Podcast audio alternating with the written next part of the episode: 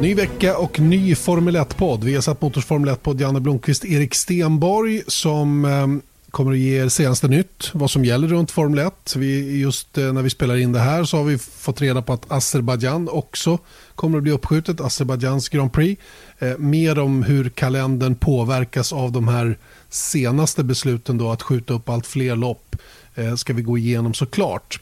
Eh, vi har en väldigt, väldigt rolig gäst dessutom i dagens eh, podcast, nämligen unge Dino Beganovic. Eh, svenske Dino Beganovic som eh, är den första svenska föraren som tar plats i ett riktigt förarprogram. Eh, av den lite modernare typen i alla fall. Vi har ju haft några som körde i Marlboro World Motorsport Team World Championship Team tror jag det hette på den tiden. Men Dino Beganovic har alltså fått eh, möjlighet att köra då i det som kallas för Ferrari Driver Academy och ta steget upp från kart till Formel 4 den här säsongen. Men eh, det har ju hänt lite grejer som alla är medvetna om och eh, vi tar pulsen lite grann på Dino och kollar hur eh, det går att eh, hålla sig varm trots att man sitter i karantän. Och sen ska vi prata lite grann om det här nya programmet som vi startade i söndags via Playsport F1 Depån Live. Ehm, Erik Stenborg. Eh, som ja. eh, är lite småsnuvig. Är du coronasmittad? Ja, antagligen. Nej, det är ingen idé att skoja om det. Jag, jag har en eh, tvååring som också är, är förkyld. Mm. Så att, eh, då, då brukar det vandra en del om man säger så. Det gör ju det när man har småbarn. Men, men du, när, när du sa det där om att vi har en väldigt kul gäst. Vet du vem jag trodde att det var? Nej. Jag trodde att du menade mig. Yes. ja, men du är ingen gäst. Du är för fan en inventarie. Ja, men exakt. Det glömde jag bort. Ja. Inventarie. Yeah. Och sen så kan jag också säga World, eh, Marlboro World Championship Team. Jag har en racing overall som jag använder otroligt ofta, mm. som du märker. Jag kör ju väldigt Ja, ja du gör ju det. Du har i alla fall schyssta uh, grejer. Ja, exakt. Jag har bäst grejer typ på norra halvklotet alltså. Men eh, jag kör inte mycket. Men då har jag, jag har en röd eller en vit overall med en så här vit eller röd stripe på, längs sidan. Så här. Och då, nu har jag äntligen beställt en patch Jaha. med Marlboro World Championship Team på Ebay. Och så har jag köpt nya inre dörrhandtag till min gamla Porsche. Sådär ja. Så du är med, i, Idag, det där, alltså. du är med i det där programmet alltså? Mm. Ja, och jag har dörr, dörrhandtag snart också. Ja, det är bra så du kan stänga. Ja, det behövs. Det går inte nu. Så? Nämligen. Så, ja, på passagerarsidan. Ah, okay. Jag råkade dra sönder dem så kan, så kan det bli. Hörru du, mm. Eh, vi ska inte prata så mycket om det nu utan hålla oss till eh, det Formel 1-mässiga. Eller? Ja, varför inte? Det, ja, det finns, hörru du, i dessa tider kan man ju liksom fylla tiden med vad som helst egentligen. Eh, för det är ju som det är. Vi, vi, kan inte göra så mycket åt det. Det som dock har skett senast idag när vi spelar in det här och, är ju att Azerbajdzjans Grand Prix eh, sällar sig till eh, de tidigare sju Formel 1-loppen som har blivit inställda eller uppskjutna. Och, eh, nu är det alltså åtta VM-deltävlingar uppskjutna eller cancellerade. Och, eh, faktiskt är Australien nu cancellerat officiellt, då, i alla fall enligt eh, F1s egen hemsida. Ja, exakt. men det är inte någon så artikel som kommit ut där. Utan senast i söndag så, så eh, presenterade vi det här i det här programmet som vi sände på Viaplay, F1, eh, Viaplay Sport F1 på live. Ehm, och då var ju, presenterade vi Australien som uppskjutet. Det är en skillnad då, för att då finns det fortfarande hopp att de ska genomföra just den tävlingen. Men går du in på f1.com och tittar på kalendern så står det cancelled. Eh, och jag tror inte att det är en typo, så att säga, eller en felskrivning. Nej, troligen inte och det är ju oerhört svårt att, att styra om kosan och, och åka tillbaka till Australien då, om det skulle öppna upp och bli möjligt att börja tävla till att börja med. Och det är ju det som är den stora frågan, om det kommer att gå att arrangera någon race överhuvudtaget under 2020. Eh, det här senaste beslutet innebär ju nu att, att Kanada är eh, första möjliga start nu då eh, som, som inte har bekräftats uppskjutet eller inställt. Eh, Kanadas Grand Prix då och då är vi en bit in i juni, mitten på juni runt midsommartid. Eh, men eh, det finns ju, eh, ja. Mm. Ja men det är ju det som, det, det, det som jag tycker är jobbigt med det och det har vi pratat om i förra veckan också. Att just den där grejen att allting bara skjuts framåt hela tiden. Att man får, jag menar det var april i början skulle man köra. Eller liksom när man märkte att de började ställa in race i Australien till exempel. Och det var inte så länge sedan. Ehm, två veckor sedan drygt. Och eh, då var det ändå så april, kanske maj. okej, okay, men vi, sen blev det Monaco. Och sen så var det tydligt i förra veckan då att Monaco inte skulle bli av och sen så började man flytta tillbaka till eh, Azerbajdzjan. Och Azerbajdzjan har alltid varit en så här liten nordstjärna i allt det här. Ehm, det, det har liksom nämnts, även om det är bara ryktesvägen. Eh, just för att sommaren är igång och man hoppas att det ska komma förändringar dit. Och sen så nu så stänger de eh, eh, Azerbajdzjan. Men grejen också med Kanada är ju att eh, Kanada har tillkännagivit då i veckan att de kommer inte skicka sin OS-trupp till Japan oavsett vad man väljer att göra med OS. Då. Det är väl ytterst osäkert om de kommer genomföra OS i Japan, sommar-OS i Japan alltså, i sommar. Men det är i juli. Mm. Så att om man inte skickar sina idrottare till Japan i juli, då vill man nog inte ha, med, ha 2000 pers in i Montreal i juni, juni heller. Minst, ju... minst 2000. Ja, exakt. Mm. Men jag tänker även om det inte är eh, eh, publik på plats. Ja, du menar så. Ja. Det finns sådana grejer. Ja, nej, men visst, nej, det känns ju högeligen osäkert. Och, och, som sagt, precis som du säger, då, om de väljer att, att uh, se till sina idrottares uh, väl och ve och hälsa och håller dem hemma från OS så känns det som att de inte riktigt själva känner i Kanada att det kommer att bli möjligt att arrangera ett Formel 1-lopp då innan uh, sommar-OS ska dra igång. Så att, jag, jag håller nog med om det. Och just nu så känns det ju för mig i alla fall som, som mest troligt, och det här är ju ett rörligt mål, det är ju ett väldigt rörligt mål skulle jag säga. Eh, att eh, man skulle kunna starta det hela eftersom det som tidigare var sommaruppehållet, det vill säga med, med Belgiens Grand Prix. Det, det tycker mm. jag känns, just nu i alla fall, idag, som ett någorlunda en någorlunda realistisk målsättning att ha. Även om den också är bara en, en boll upp i ja. luften. Det, det är verkligen... Liksom baserat på magkänslan. Exakt, liksom. det finns ingenting som egentligen tyder på någon form av lindring i problemen eh, på, på sto, i stora delar av världen i alla fall. Och snarare känns det tvärtom, som att det fortsätter att bli värre och värre hela tiden. Och innan man ser att det börjar liksom vika och att man ser en trend åt andra hållet. Herregud mm. vad jag längtar efter det beskedet, att vi faktiskt har en vikande trend. Men, men jag mm. har inte lyckats hitta den ännu, även om Eh, Anders Tegnell, nu då, den eh, epidemiologen i, i, Sverige, sa att det, det, kanske kommer att lugna sig framåt slutet på maj. Mm, exakt, men det är ganska lång tid dess om man tänker på hur fort det har gått. Jag menar, än en gång, jag menar, jag åkte till Italien 21 februari utan någon större tanke på det här. Liksom. Det är klart att det, det figurerade ju då fortfarande, eller redan då, men jag menar det var inte eh, kaos som det är idag. Och det är, det är en dryg månad sedan. Så att jag menar, då är det åtminstone två månader dit. Mm. Innan det ska liksom nå den kulmen. Exakt. Men det vi kan konstatera då är att tidigast är vi inne i slutet av juni. Mm. Även om vi inte tror på den eh, prognosen så att säga så är vi tidigast inne, jag tror att det är 28 juni som Frankrikes GP skulle eh, gå. Det är alltså det första racet som inte är ännu uppskjutet idag, måndag, ja. kan vi konstatera ja. också. Kanada är ju inte det ännu, men vi får väl se Nej, vad som händer. Men, men mycket, mycket sannolikt i alla fall. Och, och, och um, sett till hur många race man behöver göra för att kunna köra ett världsmästerskap i år så är det ju åtta race som, som gäller. Eh, den här siffran 15 figurerar ju hos många och det är ju alltså en, en eh, det är ju en, en, ett antal som gäller för för alla broadcasters och eh, när de kan börja göra anspråk på att kanske få avdrag på vad det kostar att köpa rättigheten. Mm. Men det stämmer nog inte beroende på att det är force majeure. Eh, ett sånt här, en sån här pandemi som det är. Eh, om F1 skulle ställa in ja, i år då mer än sju tävlingar av andra anledningar, ekonomiska problem mm. eller vad det nu kan tänkas vara, om vi glömmer coronaviruset, eh, då skulle vi börja kunna en, ett, eh, och det, det beror nog också lite på vilket avtal det har. Men jag tror att det generella är satt då till 15 mm. race. Då börjar det, är därför den siffran eh, har förekommit hos många. Då. Men det är alltså åtta som, åtta som krävs för att kunna kora en världsmästare. Och då, då räcker exakt. det ju faktiskt att köra Belgiens Grand Prix fram till slut. De ordinarie racen så att säga då, så kan man klara det då. Mm. Men vi ska ta faktiskt här, för att nu under kvällen så kom det ut då ett eh, pressmeddelande från Formel 1 eh, undertecknat Chase Carey, alltså vad är han, styrelseledamot VD.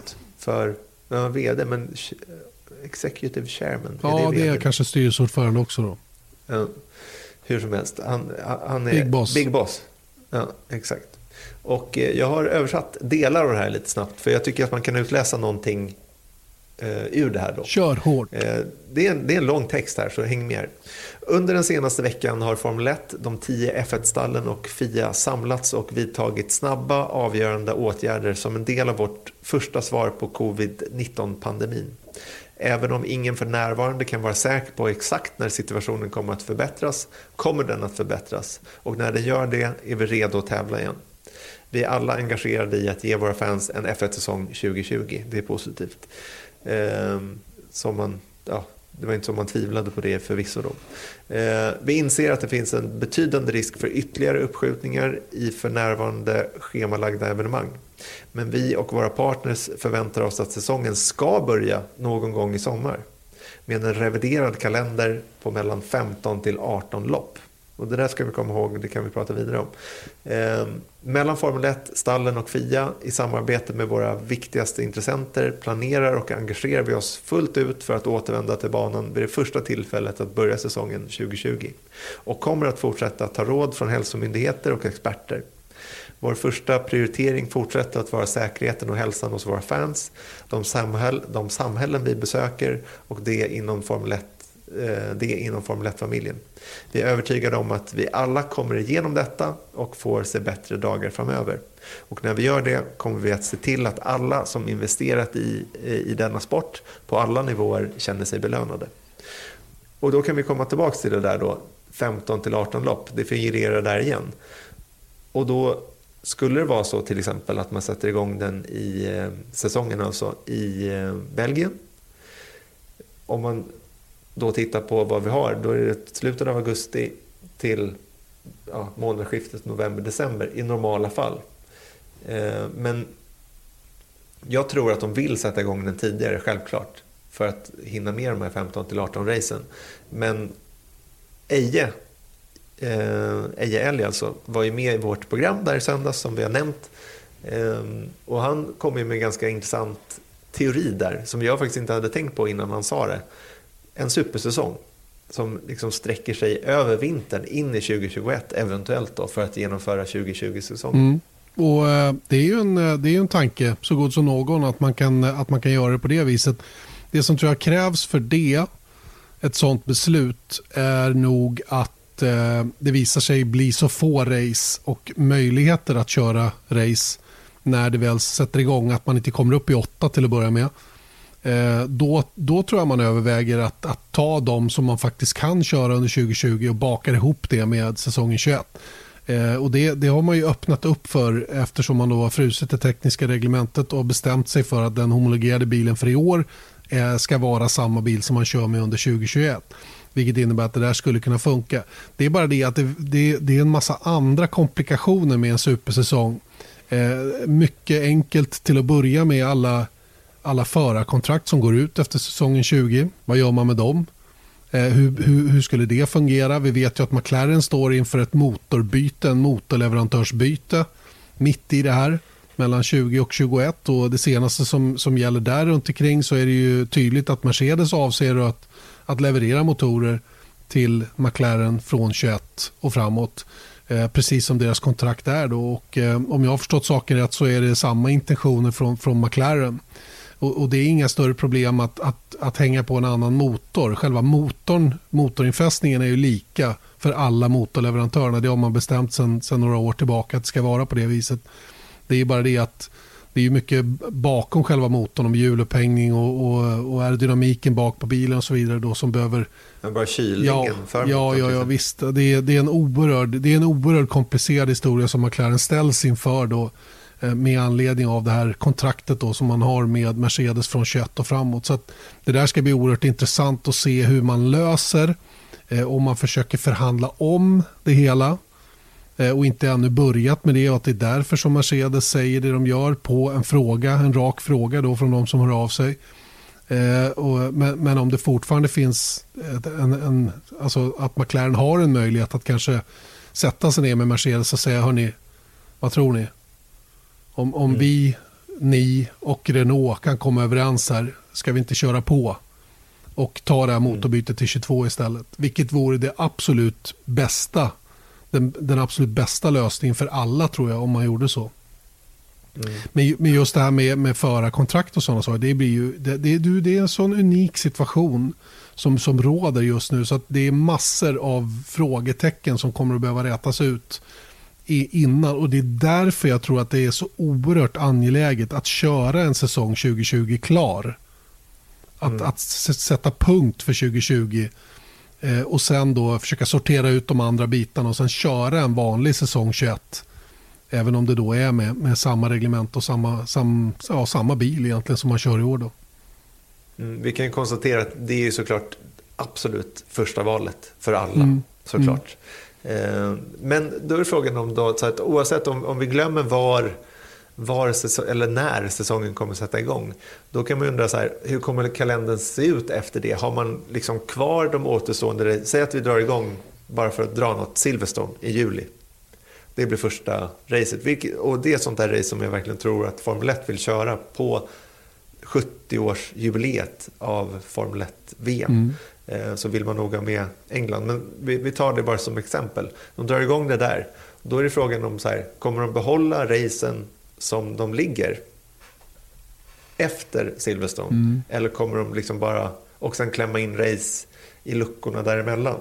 Eh, för att nå upp till de där 15 till 18 stycken. Eller kommer de liksom kasta upp allting och bara liksom optimera en kalender för att få plats med så många race som möjligt. Och då snackar vi om det där som vi pratade när vi pratade om miljöhänsynen till exempel. Att ehm, Österrike ska ligga efter eller före Ungern till exempel för det är nära att ta sig dit.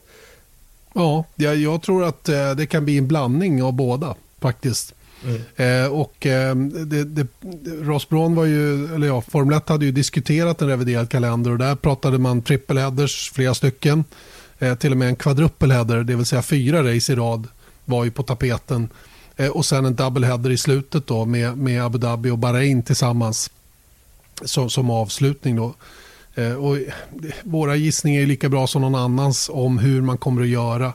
Ja, ja, det, det, känns, det känns så svårt att prata om det här just av den anledningen att det finns inget ljus i tunneln ännu utan den är kolsvart. Mm. Det är skillnad om vi hade någonting att, att, att glimta mot. Mm. Eh, som, som ändå gav oss någon form av tidsram eh, kring det här utbrottet. Men det finns ju inte det idag. Va? Så därför så allt, allt blir så oerhört teoretiskt än så länge och svår, svårbedömt. Eh, det är därför jag är lite fundersam över den här pressreleasen då som Chase Carey kommer med. Eller det här uttalandet då som kommer och som är ganska offensivt faktiskt får jag säga. Mm. När, man, när man läser det. Känslan är att de jag menar, det är ju ett börsnoterat företag Formel 1 och de kan inte hålla på och, ehm, och valsa runt med uttalanden hur som helst som, som vilseleder eh, marknaden så att säga. Utan de, de måste ju ha torrt på fötterna när de väl säger någonting. Va? Samtidigt är det ju ganska riskfritt att komma med någon form av prognos. Eh, för det finns ingen som vet om den stämmer eller inte. Den, den, när man, när man hör, läser det han säger där så, så visst, det känns väl okej. Okay. Och det väcker ju ett visst hopp ändå att det ska sparka igång. Va? Men, men ja, ehm, för, fast det är, ju, det är ju det där som är, är problematiken. Man, för de, de, tids, de ger ju faktiskt en tidsangivelse. Att de hoppas såklart, det är inte en, en konkret sådan, men att de vill komma igång under sommaren. De hoppas och tror det. Och det man kan konstatera är att de har ingen aning. De vet ju inte. Så att därför tycker jag att det var lite konstigt att de säger just att de, de vill komma igång. Det är klart att de vill, men att de, att de säger så skarpt att de siktar på sommaren. Mm. För det är inte deras händer, helt enkelt. Och jag tänker, det är sånt där med börsbolag, att de, de, man vill väl kanske inte... Ja, de kanske vill behålla börsvärdet så gott som det går just nu, men jag tänker bara på backlashen om det där än en gång då måste flyttas. Och det är därför jag tyckte att, för det var ju nyligen som de ändrade fot. Liksom, från att ha eh, liksom en, en eh, att hon pekade lite på Monaco i slutet av maj. Eh, sen blev det ett helt flytande mål så att säga. Och det tyckte jag var ganska så här, ja men det är väl smart i det här läget. För det finns inget annat att peka på. Nej. Eh, samtidigt så lindar de in det ganska snyggt och, och är ju fortfarande väldigt flytande kring alltihopa. Va? Så att man, man, man får, jag, jag tror att det är en kombination av att man vill lugna aktieägarna och, och, och komma med någonting komma med uttalande. Och, och, jag pratade lite grann med, med Scott Mitchell då, som, som bloggar ihop med mig. och vi han menar på att uh, han, han, han, såg en tydlig förändring i sättet att kommunicera från Formel 1 som, som har gått till det bättre hållet. Att de är mer tydliga mm. och, och, och, möter publiken uh, oftare, mer frekvent och uh, på, ett, på ett tydligt sätt ändå vill markera för alla att det är inte alls så att man lagt sig på ryggen och ger upp det här. Utan det, det, så fort att det är möjligt så kommer man att sätta igång. Det var väl egentligen meddelandet som Chase Carey kom med. Ja, så att, eh, ja, det, är, det är en eh, oerhört eh, intressant situation, eller ett, tråkig situation skulle jag säga snarare. Sen är man ju mm. återigen, vi, vi pratade lite grann med om det också i sändningen i söndags, det här med, med ekonomin för teamen. Vet, mm. En sak som vi inte har berört överhuvudtaget Erik ännu, det är ju faktiskt att Concordavtalet är gällande går ut sista december 2020. Mm. Ingen har så vitt jag vet skrivit på något nytt. Och nu ska det bli oerhört spännande att se hur pass väl Formel 1-communityn kan hålla sams. För att mm. nu i de här svåra tiderna så har de ju ändå varit, eh, ja, de har, de har visat på eh, handlingskraft. Och eh, kom ju snabbt eh, fram till här att eh, de här loppen ska skjutas upp. Och, de, de, har dessutom bestämt sig för det här med reglementet och hela den biten. De har varit ganska tydliga med att de vill rädda upp det här.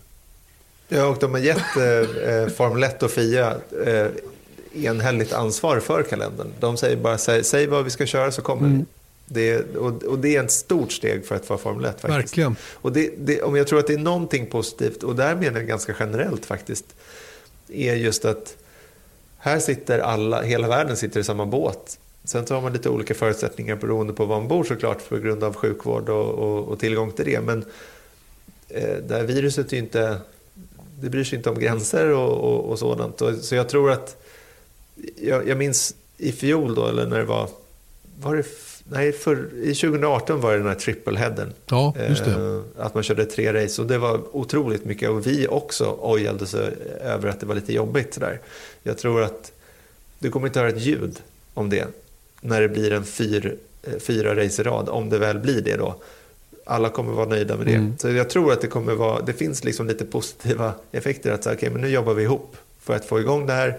Och när vi väl får det, då sam- håller vi ihop så, så mycket som möjligt. Och det kanske kommer hålla i några år. Ja, i bästa och det, fall. och det är framförallt uppmuntrande då. För, för, för eh, vi vet ju att det är, det är ett, några team i alla fall som har ganska jobbigt med ekonomin. Eh, jag tänker Williams mm. i första hand. Då. Nu tror jag i och för sig att de här andra teamen i mittfältet har en ganska de, jag menar Racing Point då, som var det senaste var på fallrepet på riktigt.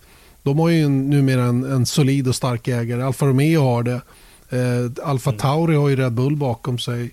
Eh, och, och, ju längre upp vi kommer så är det ju, ju närmare toppen vi kommer ju mer åt fabrikshållet är det. Jag nästan så jag betraktar McLaren som ett fabriksteam även om de inte är det rent ekonomiskt för de har väldigt starka ägare och, och liksom eh, utifrån mitt perspektiv då uppfattar jag att de har en, en, en, en bra kassa. Liksom. Det, däremot då, det ska man ju ändå säga då att vi ska gå vidare till Dino Beganovic alldeles strax här. Men, men eh, problemet är ju när ekonomin påverkas så i det milda grad som den gör idag. Så behöver ju inte teamen som sådana, jag menar Williams till exempel, de existerar för att tävla i Formel 1. Det gör inte Renault. Och Renault har ju varit lite så här frågetecken runt till exempel. Och går vi in i en depression eller en recession eh, som är allvarlig, ja men då vet vi hur det blev sist då när BMW, eller var det Ja, BMW, ja, BMW och, och japanska drog, teamen drog, drog sig ur alla möjliga sport. Ja. Subaru hoppade av i rally, Suzuki, MotoGP. Alltså de, de försvann på löpande Precis. band. För att man kan inte försvara eh, en eh, ja, marknadsförings eh, slash hobby eh, när man driver ett så, så pass stora företag. Så det är ju en risk också. Så jag tror inte man bara ska titta på Williams eller vad man ska säga. De kommer göra allt för att fortsätta tävla i Formel 1 för annars har de ingen business. Ja, ta en sån som Gene Haas. Så, som lägger pengarna själv i stort sett på, på teamet och, och dessutom kommer från en väldigt, väldigt dålig säsong som de hade hoppats kunna reparera i år. Då. Eh, hur tänker han inför en eventuell förlängning över, över, eh, över Eh, in i 21 då, så att säga. Då. Och eh, när kan de ens förhandla om ett nytt Concordavtal när det ser ut som det gör? Alltså, jag, jag förstår inte hur de ska hinna med allting och hur de ska klara av allting. De behöver liksom köpa sig tid. Det är på något mm. sätt som de behöver göra ett interimavtal som gäller bara över 2021. Förstår du? Och så, Eller så bara skjuter de på ja, allting. Men det är det jag menar. Ja, men, okej, okay, mm. fine. Gör det då. Men, men alltså, de behöver förmodligen signa någonting för, för säsongen 21 och sen göra om hela processen under 2021 när saker och ting har stabiliserats och lugnat sig lite och man framförallt ser hur världsekonomin ser ut och vilka möjligheter alla har att vara med och tävla på den nivån där de vill vara. Ja, jag gissar att de gör det. Jag tror att de liksom skjuter på alla stora beslut. För att det är också sådana där grejer att... Eh, ja, sett i team då. Att det, det, det, är inte heller någonting som, som Cyrilla Bitterbull i Renault kan styra över. Det är inte hans beslut. Nej. Så att det, det beror på hur det går helt enkelt. Och det är väl därför de är ja, så otroligt angelägna om att komma igång. Mm. Så är det. Ska vi sätta punkt för den här diskussionen tycker du? Det tycker vi lär återkomma i ärendet känns det som. Jag tror att det är det vi eh, enda vi kommer göra. Exakt. Men vi ska pigga upp oss nu med någonting som är väldigt mycket roligare tycker jag. Dino Beganovic, välkommen till eh, Viasat Motors Formel 1-podd. Tack så jättemycket. Du har ju blivit Formel 1-förare nu också, hastigt och lustigt. Ja, det kan man säga. Eh, jag var ju med i e-sport-racet igår, så det var, var väldigt roligt. Var det, någon, var det någon sån grej runt att det var liksom... Eh, var Ferrari Junior eller Driver Academy eh, med dig på något sätt i, i, det, här, i det racet? Ja, det kan man säga. Vi tränade väldigt mycket. Eller ganska mycket. Två dagar innan började vi träna ganska mycket. Och då tränade jag med Ferraris e-sport-team som också är Driver Academy. Eh, så vi fick, eh, jag fick hjälp och Robert fick hjälp, eh, Schwarzman, av dem med av David Tonitza som var mästare förra året och, eh, och den nya föraren Bonito tror jag han heter. Eh, så det var väldigt, väldigt kul, väldigt speciellt att köra med sådana proffs i sporten. Du, det låter ju som en väldigt seriös satsning också, eller hur? Ja, det var, det var seriöst kan man säga. Eh, självklart så vill man ju göra så bra som möjligt när man kör mot Formel 1-förare och eh, kändisar kan man säga. Du, snacka om att du har hamnat i hetluften från, från 0 till 100 på något sätt. Jag menar, förra året körde du go-kart och, och, det är väl i och för sig på hög nivå med många duktiga förare. Men nu, nu eh, tar du steget upp i Formel bil i Formel 4. Vi ska komma tillbaka till det strax. Eh, men sen också i det här förarprogrammet med Michael Schumachers son Mick Schumacher som är en av deltagarna. Robert Schwarzman, då, regerande Formel 3-mästare som tar klivet upp i F2 som du körde med igår och så vidare. Du har verkligen, du har verkligen kommit rakt in i, i, i lejonets kula på något sätt. Ja, det känns helt fantastiskt att man har fått en sån, eh, en sån möjlighet av Ferrari och att de litar på en. Och jag tror det, det känns det bästa, så att för, liksom ett så stort och bra märke som Ferrari litar på en att man kan lyckas och det betyder jättemycket. Och att komma in så här i, i racingvärlden är fantastiskt. Har det, har det sjunkit in för dig? Var, var du har hamnat och vilken möjlighet du har fått? Jo, men det, det tycker jag. Det, jag har kommit in väldigt bra. Eh, såklart så är det ju stor skillnad med, jämfört med karting. Eh, bara att köra bilen, allt är mycket större. Till exempel bara som att komma från en pingisplan till en tennisplan kan man ju säga. Eh, så det är ju väldigt, väldigt stor skillnad. Du, och jag måste fråga dig där, för att jag har hållit på med Formel 1 eh, ganska länge, Janne ännu längre. Och då har det liksom funnits de här förarprogrammen. Och jag vet nästan ingenting. Vad, är, vad, är, vad försiggår egentligen i Ferrari Driver Academy? Ferrari satsar ju väldigt hårt med, med deras förarprogram. Eh, och de, de pushar väldigt mycket med förarna och försöker göra dem alltså, bättre och bättre hela tiden. Och försöker de försöker att få föraren att växa och andas Ferrari. Eh, så att de kommer in i det så snabbt som möjligt. Eh, så att de är redo när de kommer till Formel 1. Så man kan ju se till exempel Charles Leclerc som har lyckats den vägen. Och det går ju väldigt bra för han. Och han har ju känt de mekanikerna sen innan också. Inte bara nu när han har kommit in i Formel 1 utan tidigare år, till exempel i Formel 2 och GP3. Eh, så jag tror det är den eh, vägen de vill gå och de pushar väldigt mycket med det. Så att eh, vi lär oss jättemycket där. Eh, mycket fysiskt, mentalt, tekniskt också om bilarna, hur de fungerar, motorer, turbo och allt möjligt. Då undrar jag så här, hur ser en vanlig dag ut då? Vad, vad, vad, gör man på en vanlig dag på Ferrari Driver Academy? Men nu kan du inte vara i Italien. Det är ju lite speciella omständigheter då naturligtvis eftersom det har blivit som det har blivit i världen. Men om det nu hade varit en vanlig dag, för ni hann ju med några i början i alla fall. Hur, hur såg en dag ut? Liksom om man kollar på ett program som jag skulle haft innan jag åkte till Sverige, innan jag hann till Sverige. Eh, när det var som sämst i Italien så skulle det varit eh, mental träning, fysisk träning skulle det varit. Eh, vi skulle haft genomgång eh, hur man sätter på en växellåda, motor också. Eh, och, ja, det, var, det var en hel dag. Sen så nästa dag kanske det var hur turbon fungerar. Näst, den andra dagen var det mer fakta om, eh, om bilen, hur den funkar, hur setup funkar, vad man ska ändra om bilen är understyrd, överstyrd i vissa tillfällen. Pratar ni bara italienska eller hur funkar det? Är det för jag vet att det är nästan ett krav att ni ska lära er italienska och det gör man ju inte i en handvändning så det, kanske, det måste bli på engelska på något sätt. Ja, det är på engelska. Men, eh, men snart tror jag det, det kan bli på italienska. Det är väldigt många i akademin som snackar flytande italienska. Jag tror det är jag och två till som kanske inte snackar italienska eh, flytande.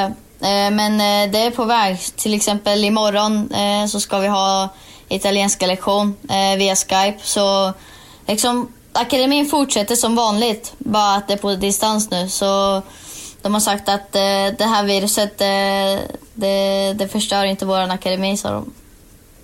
Det är väldigt bra det. Och, men då tänker jag så här, nu, nu är du hemma i Linköping. Eh, de andra förarna är väl hemma också i programmet i alla fall, just på grund av den rådande situationen. Men är det meningen att alla ska bo i Maranello? Eh, ja, de, de vill ha förarna där så mycket som möjligt. vill de ha. Eh, men vissa förare som kanske är lite äldre eller bara inte vill vara där på heltid, de är inte där. De kanske bor, inte i Maranello, utan ganska nära. Eh, men de flesta förarna ska bo i Maranello. Till exempel planen är efter jag är klar i nian så flyttar jag ner till Maranello. Mm. Det sätter ju saker i ett perspektiv också att du faktiskt går nionde klass fortfarande och inte kan flytta ner till Maranello ännu. Hur ser du på att flytta ner? Då? Tycker du att det känns okej okay att lämna hemmet och familjen och hela den grejen? Ja, men det känns okej. Okay, för eh, liksom jag har varit väldigt mycket borta själv med, med teamet, med alla mekaniker som jag har haft i, i racing när jag tävlar i gokart. Så jag har varit ensam, eller kan man säga, med teamet väldigt mycket. och det känns väldigt bra. Man kommer in i det väldigt snabbt eh, och väldigt bra. Speciellt jag tycker att eh, det är mycket skönare att åka, åka med teamet till banan eh, en morgon när det är racedag eller kvaldag. Eh, så mm, ja, jag tycker inte det är så stort problem. Hur, hur tas man om hand då medan man är där nere? Liksom, har ni en egen lägenhet eh, eller bor ni eh, liksom, tillsammans med andra? Just nu så har Ferrari Driver Academy eh, fixat ett, eh, ett hus eh, där fyra förare ska bo. Eh, tre klara ehm, som ska bo där. Nu står det mellan mig och eh, Arthur Leclerc. Eh, för han har gått klart skolan så han kan flytta in tidigare. Eh, och jag behöver kanske någon att, att bo med. Så det hade kan, varit ganska bra för mig att eh, bo med några andra förare men annars så fixar de en lägenhet har de sagt så det är inga problem. Jag tar i alla fall med mig simulatorn så det, det är okej. Okay. så du ska bo själv alltså i en lägenhet, 16 år gammal? Och... Ja. Bäddar du ens sängen hemma? Nej, nej. Jag misstänkte det.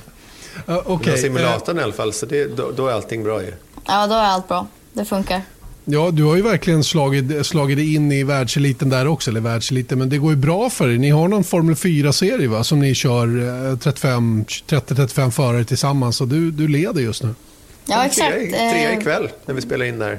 Ja, vi, eh, vi körde nyss och eh, det är helt okej. Okay. Det var lite, mm, jag tror det var lite teamorder i de andra teamen. Eh, för det var en snubbe som saktade ner väldigt mycket.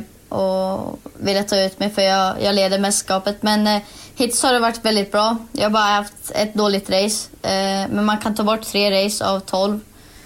Eh, så eh, så det, det går väldigt bra. Just nu leder jag mästerskapet så det känns bra. En bra början kan man ju säga på den karriären då. Tills det är dags att sätta sig i den riktiga Formel 4-bilen.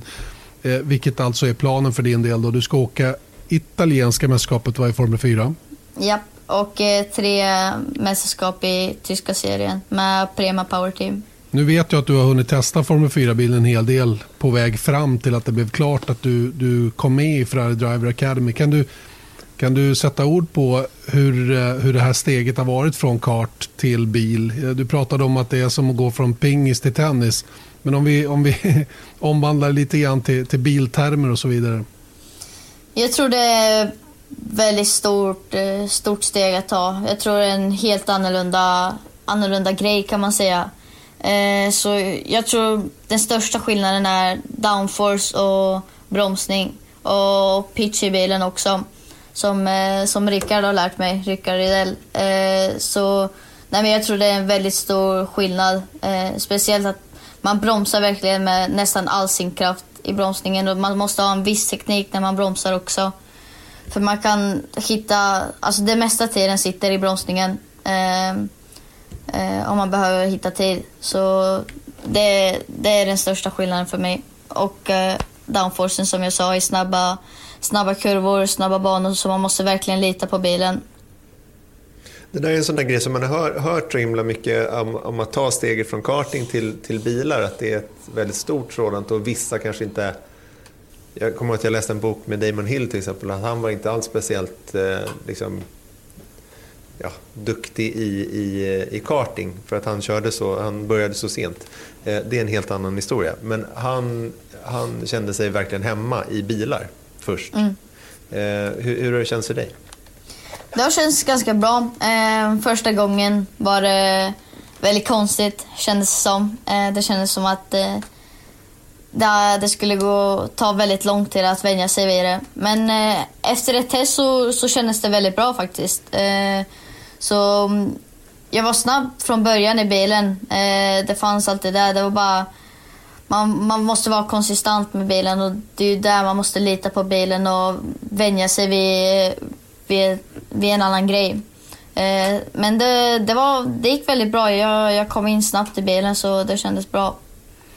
Tyvärr då så kommer det här uppehållet nu då som vi, som vi alla lider av så att säga och eh, får inte göra det vi egentligen vill göra. Hur, hur, hur har det känts för dig då att det var liksom, allting rullade ju på och sen när det skulle sätta igång då bara var det någon som drog i handbromsen. Det måste vara lite mentalt jobbigt ändå. Ja, men det, det är väldigt jobbigt för senaste testet vi hade var i, i början av december. Och eh, en vecka innan vi skulle ha första testet på Monza så sa de att eh, det är ingen fara, allt, är, allt är bestämt, vi ska köra. Två dagar efter så sa de att det är inställt. Eh, sen, eh, jag stannade där nere eh, och vi, jag fick besked att eh, jag skulle till Maranello istället och vara där och göra massa aktiviteter med Ferrari. Eh, men den dagen jag skulle dit så, så fick jag meddelande på morgonen bara nej, kom inte hit, vi är i en röd zon. Eh, det, det, är bara att ta första flyget hem och försök, försök bara ta dig hem. Eh, så, så det var väldigt jobbigt. Eh, för helgen efteråt, eller den helgen skulle vi till Orsersleben. Eh, men därefter så blev ju hela Italien i karantän. Så, eh, så mitt team Prema kunde inte åka över gränsen till Österrike. Så de andra, vissa andra team fick testa men inte, inte vi, de som är från Italien. Så det kändes ganska jobbigt men just nu är det ju bara att bara vara hemma tror jag och försöka, försöka göra det bästa av saken. Och träna så mycket det går av banan och eh, vänta tills, eh, tills det lugnar ner sig. Eh, igår när vi gjorde det här programmet då, som, som, där vi visar ett gammalt Formel 1 så pratade vi lite med Felix Rosenqvist och Marcus Eriksson där med simulator. Och Marcus har precis byggt en ny simulator och Felix har kört en del simulator och varit före i det avseendet och gör det väldigt bra. Eh, hur tycker du att det är eh, med den lilla erfarenhet av bil du har nu då, att, att ändå köra simulator? Har du nytta av simulatorkörning tycker du? Det tycker jag absolut. För liksom, jag, kände, jag kände alltid suget att jag måste köra någonting. Till exempel när jag inte hade en simulator så stack jag alltid till Bose när jag hade en helg ledig och körde racingsimulatorn där. Eh, och det är ju ändå två, två och en halv timme från Linköping. Eh, så det var ganska länge att ta sig dit. Men, eh, men nu när, när jag har simulatorn så känns det mycket bättre. Alltså liksom jag kör ju dag in dag ut kan man säga.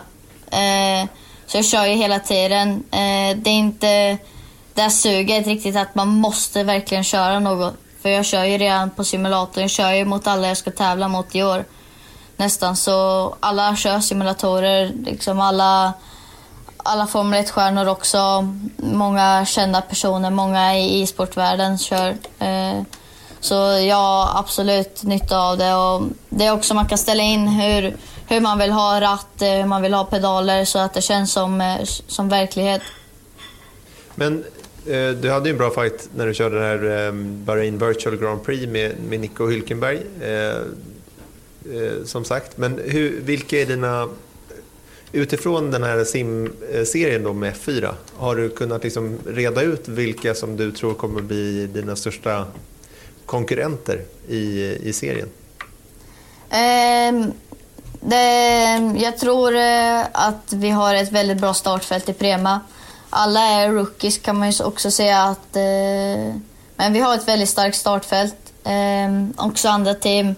Det är många väldigt bra förare. Jag tror det är en av de starkaste som Formel 4 i Italien har haft eh, hittills. Så jag tror det kommer bli tufft, eh, men eh, jag ska göra allt jag kan för att eh, vara högst upp. Alltså, vad har du satt för målsättning?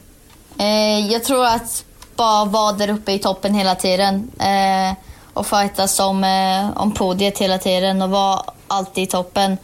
Göra så lite misstag som möjligt. Eh, men jag satsar på att eh, alltid vara där i toppen och alltid utmana om, om vinsten. Eh, Rickard Rudell finns ju bakom dig då. Rickard som jobbar med mig och Erik också och är mångårig racerförare med en oerhörd erfarenhet. Vad, vad betyder han att ha med sig i den här satsningen tycker du? Jag tror det är speciellt viktigt att ha Rickard med. Eh, han är så erfaren av det här. Han har också jobbat med, med andra förare och han har ju haft fantastiska resultat han själv. Eh, så det känns fantastiskt att ha honom bakom sig eh, och med sig i den här, i den här satsningen kan man säga. Eh, för det är så mycket tips och mycket off banan kan man säga. Eh, med kontrakt och sponsorer och grejer. Det, det är väldigt schysst och snällt och bara fantastiskt att lägga ner så mycket tid och hjälpa till eh, med, med vad jag gör, med vad vi gör. Eh, du fick ju möjlighet att åka till Barcelona och se testerna där. Hur var det? Det kändes fantastiskt. Det var också första gången jag, jag, jag såg en F1-bil live uh, köra på en bana. Så jag var inte sådär jätteerfaren så här med, med ljudet och så eh, på riktigt. Så det kändes ju som att de aldrig bromsade i kurvan ens. Mm. Eh, för ljudet kom senare. Men det var fantastiskt att följa det så nära också i garaget och i, i Ferrari Hospitality. Så fantastisk möjlighet att vara där också med min pappa som har så stort intresse för, för Formel 1, för bara Ferrari. Eh, så jag tror det var stort för mig och verkligen stort för honom också. Du, Dino, det är stort för vem som helst att få komma så nära Ferrari-teamet tror jag eh, i en Formel 1-depå på det här viset och hänga med Charles Leclerc och eh, Sebastian. Fick du träffa förarna? Alltså, hade ni tid att prata någonting med varandra? Jo, men vi hade tid att snacka och de var jättetrevliga, jättesnälla eh, killar. Det var väldigt schysst att de tog sin tid och snackade och frågade mm, vad man ska göra i år och hur det går och, och olika grejer. Så det var väldigt, väldigt eh, nice, nice pratstund med dem. Kul Dino. Dino Beganovic alltså som eh, alltså finns med i Ferrari Driver Academy och eh, som just nu då eh, sitter hemma och väntar på att säsongen ska dra igång. Vi väntar ju alla på att säsongen ska dra igång. Eh, himla kul i alla fall att du har kommit så här långt. Vi eh, önskar lycka till med Formel 4-satsningen till att börja med. Jag gissar att vi kommer att höra mycket av dig, om dig eh, framöver då, eh, förhoppningsvis då med, med framgångar då som, som kommer vidare. Så får du väl gnugga vidare i simulatorn så gott det går. Då. Tack så jättemycket. Ja, även där så hoppas man ju att säsongen kommer igång snabbare än kvickt. Alltså. Verkligen. För det ska bli väldigt kul att följa Dino under säsongen när den nu kommer ja, igång. Det var ju vår första möjlighet att få, få träffa Dino. Mm, eh, kul kille, 16 år gammal. Eh, supermålinriktad känns det som. Eh, väldigt vuxen redan, trots sin ringa ålder. Han ser inte så vuxen ut. Nej, han låter nej, inte men, vuxen. men, men, oh, alltså, tonen. Nej, nej, verkligen inte. Va? Men supermogen och, och uh, vältalig och um, drillad. Uh, Jag säger så här, kommer du ihåg, vad, hade du varit kapabel att uh, gå igenom den processen som han gör nu när du var 16? Nej, det kan jag inte säga att jag hade gjort. Och jag kommer ihåg en annan lintott som jag träffade just ungefär när han var mm. 16-17 år. Sådär 2007. Eh, en mm. kille vid namn Marcus Eriksson då, när han hade fått sin, sin chans i Formula BMW då, körde i det mästerskapet i England. Och, och, det är kul att kunna jämföra då. Men, men Dino har ju verkligen hamnat på ett bra ställe nu. Ferrari Driver Academy verkar oerhört seriöst och, och, en seriös satsning. Nu kan inte vi säga att de inte har varit det tidigare för vi har inte haft den insynen i det som vi Nej. får nu. Men, men, helt uppenbart är det ju att de, de, de, de håller upp fanan högt där och vill verkligen någonting med sitt program. Och Det är mycket förare i det eh, och, och starka kort, flera stycken av dem också som, som eh, verkligen eh, blir spännande att följa. Inte minst Dino Beganovic som jag menar, kolla på honom när han kör simulatorracing. Han är ju eh, ruggigt snabb där också. Som han sa, då leder det här mästerskapet där inofficiella de har bland Formel 4-förare. Han, han, håller liksom på att köra sig in i världseliten på nolltid här. Trots att han inte har kört en enda meter ännu i tävlingsfart. Eller i tävling med sin Formel 4-bil. Ja. Det är, lite, det är annorlunda tider på så många olika plan. Verkligen. Ha fighter med Nico Hülkenberg liksom i ett virtuellt Bahrains Grand Prix och snacka med oss om eh, strategier. Ja, vi skulle ju bara köra en enstoppare, jag skulle ju kvala på medium. Ja, och... det, det, är som, det är som på riktigt. Verkligen, verkligen. Ja, kul kille och jag önskar honom all lycka och hoppas att det går bra för honom. Vi ska ju självklart eh, hålla ögonen på Dino Beganovic. Och det leder... Ja, vet ni vad? Ja. ja. exakt, för att på söndag mm då kommer vi köra avsnitt två av Viaplay Sport F1 Depån live och då kommer ni själva få lägga ögonen på Dino Beganovic för han är en gäst via Skype. Just det. Eh, på söndag.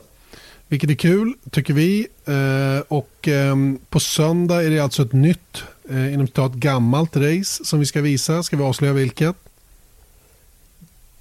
Ja, mm. Gör det då. Eh, vi kommer visa... Ja, eh, låt mig vara, så ska jag göra det. Eh, Brasiliens Grand Prix 2008. 2008. Mm. Inga spoilers. Inga spoilers. Ett fantastiskt race. Men det är ett jäkla bra ja, det var race. Alltså. Det var bra drag i det. Mm. Och jag fick tuppar i halsen. Och det kan jag avslöja i alla fall. Ja, det, det, var, det var ju några magiskt avslutande varv. Jag kommer ihåg när jag träffade Timo Glock i Brasilien. Det var väl förra året när jag pratade med honom om det där. För det var någon form av jubileum Nej, det måste ha varit 2018. Måste det vara det.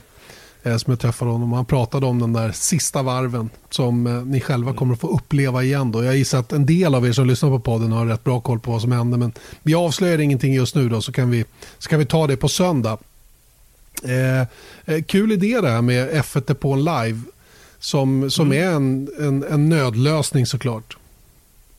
Det är klart att det är det. Men, men faktum är att Ja, Alltså, så det är klart att jag hade ju hellre haft en FN-säsong att rama in. Men det är ganska, på något sätt så är vi så himla fokuserade på att göra tv som just leder upp till ett race. Och då är man ganska så här styrd av vad vi måste prata om. För det är, liksom, det är viktiga saker som händer. Och då behöver vi liksom informera om det. Och så det är liksom, man, man blir låst liksom till, till eh, bara nyhetsläget. Och det är faktiskt en av få gånger som jag har jobbat med ett tv-program som är så här, ska vi göra det? Ja, det kan vi göra. Mm.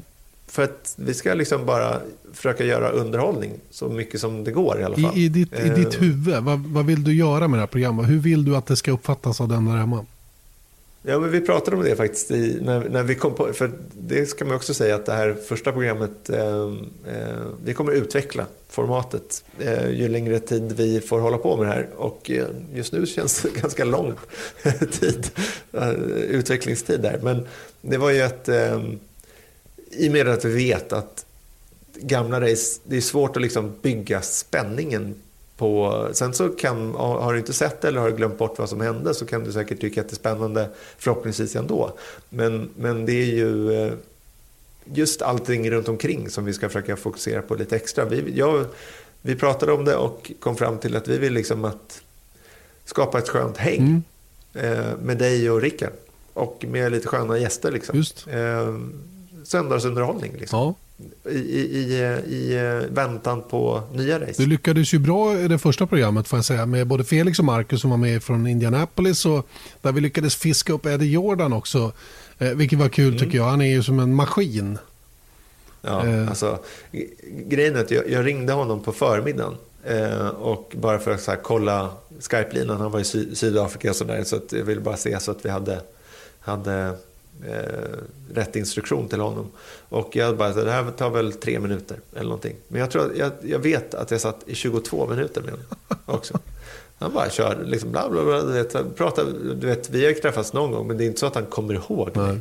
Men han bara, åh hallå, hallå, du vet, så här, var är du då? Så sitter du hemma liksom, och tittade runt i, i mitt rum som jag sitter. Och så, liksom, det är ett barn där bakom. Så här, kan jag få se det barnet? Eh, jag fick gå och hämta min tvååring och det så här. Och, vet, han är superskön människa. Verkligen, Excentrisk. Verkligen, verkligen. Och um, frispråkig många gånger. Eh, jag tycker det var kul att höra honom mm. dra historierna runt kring det här racet som blev väldigt speciellt för hans del om en dubbelseger till slut. Då. Eh, oavsett det, vi ska inte prata om det för det, har vi, det programmet har vi redan sett. Va? Men, men det var kul att ha en sån kille med tycker jag. Har du något i bakfickan till på söndag eller?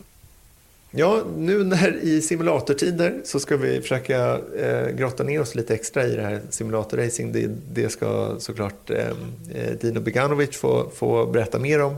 Men eh, vi har även eh, redan nämnda Scott Mitchell eh, som ju är journalist på The Race eh, som är, har anordnat hittills två stycken stora simrace genom iRacing. Nej, R-Factor.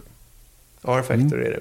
Ehm, och eh, bara få lite så här eh, mer info om simulatorracing generellt. Liksom hur många som håller på med det, hur stor industri är det och liksom vad har egentligen hänt med den här branschen från, jag ska inte säga noll, men jag menar från en mycket lägre nivåer på eh, mainstream media i alla fall. Så helt plötsligt så är det allt vi har att fokusera mm. på.